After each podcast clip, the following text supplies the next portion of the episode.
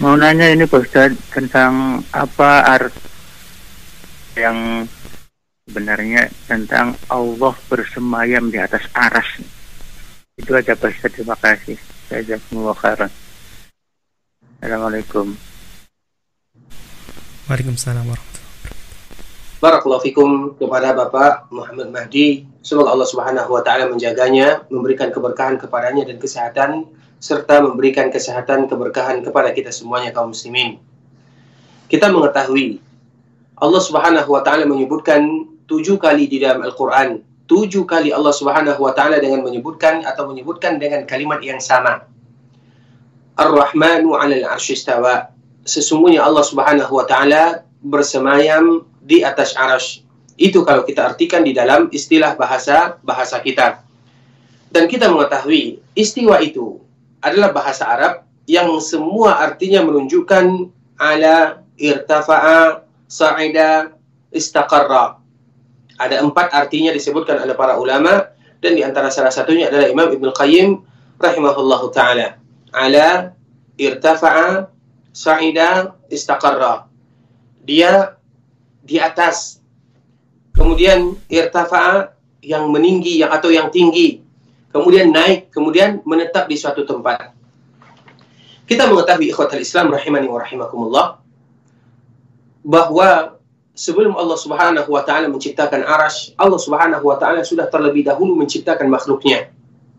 Dan makhluk apa yang Allah Subhanahu wa taala ciptakan sebelum Allah menciptakan arash? Kita tidak tahu.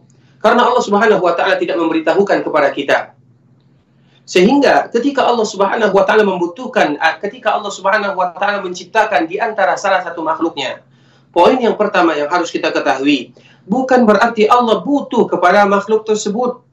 Allah Subhanahu wa taala pertama kali menciptakan kalam yaitu untuk menulis takdir manusia. Bukan berarti Allah butuh kepada kalam.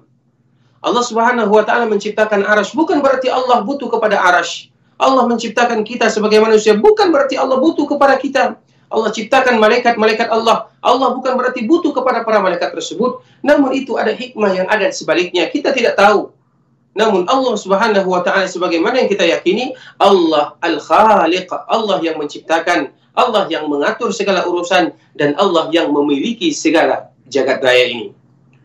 Kemudian apabila kita mengetahui yang demikian, bahwa Allah menciptakan aras dan Allah ingin bersemayam di atas aras, itu urusan Allah, bukan urusan kita. Karena harus kita mengetahui poin yang terpenting, kaedah yang sangat agung, la yus'alu amma yaf'al, wa hum yus'alun. Allah tidak ditanya apa yang Allah lakukan.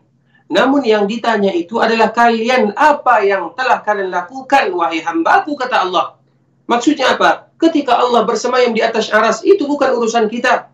Tidak perlu kita menanyakannya karena Allah mengatakan la yus'al. Allah tidak ditanya tentang apa yang Allah lakukan. Namun kita yang ditanya tentang apa yang kita kerjakan. Allah bersemayam di atas aras, Allah menciptakan malaikat, Allah menciptakan kalam. Kita tidak ditanya tentang demikian, namun kita ditanya tentang amalan perbuatan kita sehari-hari.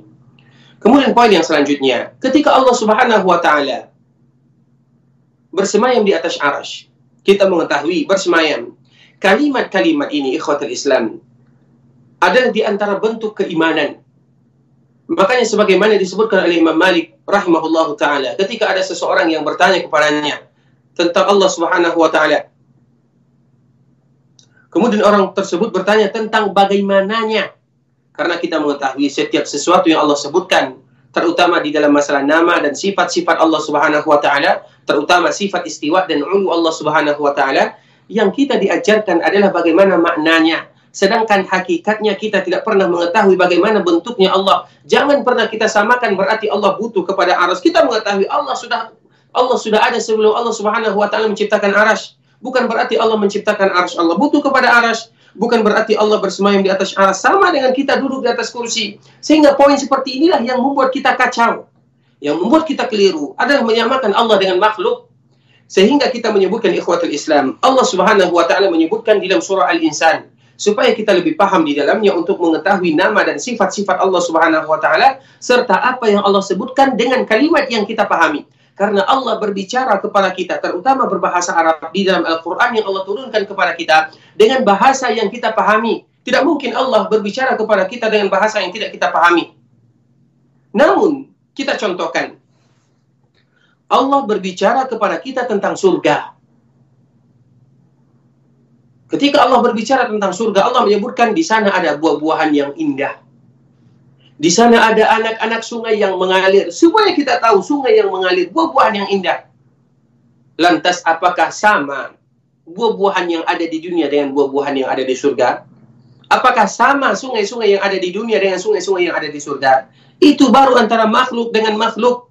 Yang mana Allah mengatakan di surga ada buah-buahan, di surga ada sungai. Tidak sama sungai surga dengan sungai yang ada di dunia. Tidak sama buah-buahan yang ada di surga dengan buah-buahan yang ada di dunia. Itu baru perbedaan antara makhluk dengan makhluk saja. Sekarang kita contohkan Allah menyebutkan tentang kita di dalam surah Al-Insan.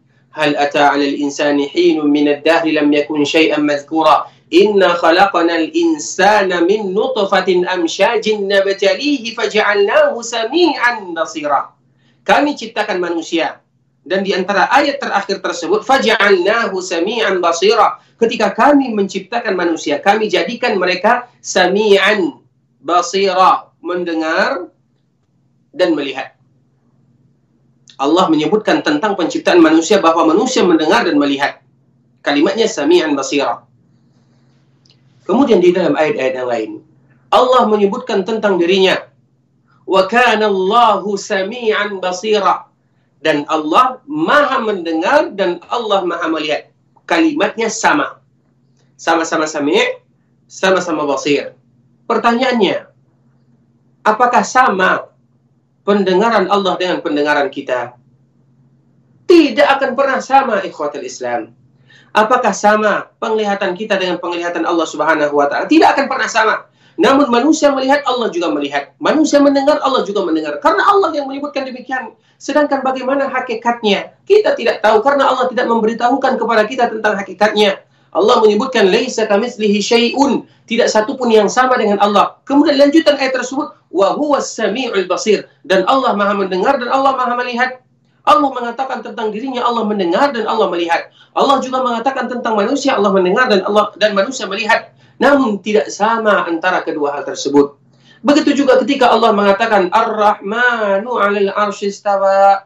Allah bersemayam di atas aras Berarti kalau Allah bersemayam di atas aras, Allah butuh kepada aras. Berarti Allah bersemayam di atas aras, Allah duduk di atas aras sebagaimana kita duduk di atas kursi. Berarti aras lebih besar daripada Allah. Apa pertanyaan seperti ini, ikhwatul Islam? Bukankah Allah subhanahu wa ta'ala menyebutkan, La yus'alu amma yaf'al. Allah tidak ditanya apa yang Allah kerjakan. Allah mau duduk di atas aras, Allah mau duduk di atas kursi. Itu bukan urusan kita. Urusan kita bagaimana kita beriman kalau Allah berada di atas aras.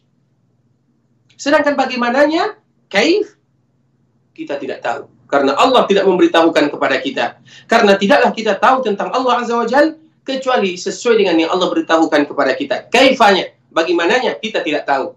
Sehingga di antara bentuk keimanan kita kepada sifat ayat-ayat sifat ayat-ayat Allah Subhanahu wa taala adalah bagaimana kita mengimani bukan mencari celah untuk mengatakan Allah berarti Allah berarti tidak mungkin demikian Kemudian ada lagi yang mengatakan berarti istiwa, istiwa artinya adalah istilah, yaitu Allah menguasai aras. Kapan Allah Subhanahu wa taala tidak menguasai aras? Kapan Allah Subhanahu wa taala tidak menguasai jagat semesta ini? Allah menguasai segala sesuatunya. Bahkan Allah tidak butuh kepada kepada salah satu makhluknya sebagaimana poin terpenting yang tadi kita sebutkan.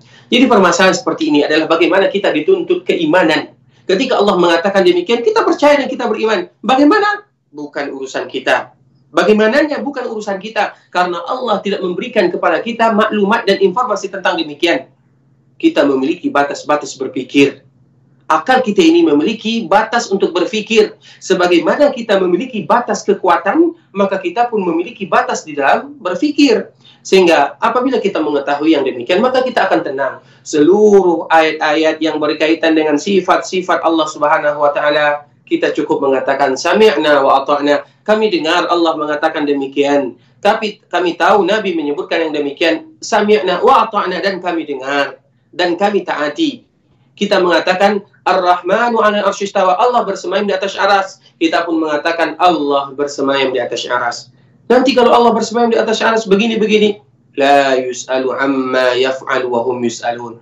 Allah tidak pernah bertanya kepada kita tentang apa yang Allah lakukan. Namun kita ditanya, beriman enggak kita dengan ayat-ayat yang telah diturunkan oleh Allah Subhanahu wa. Semoga Allah menjaga kita barakallahu fikum.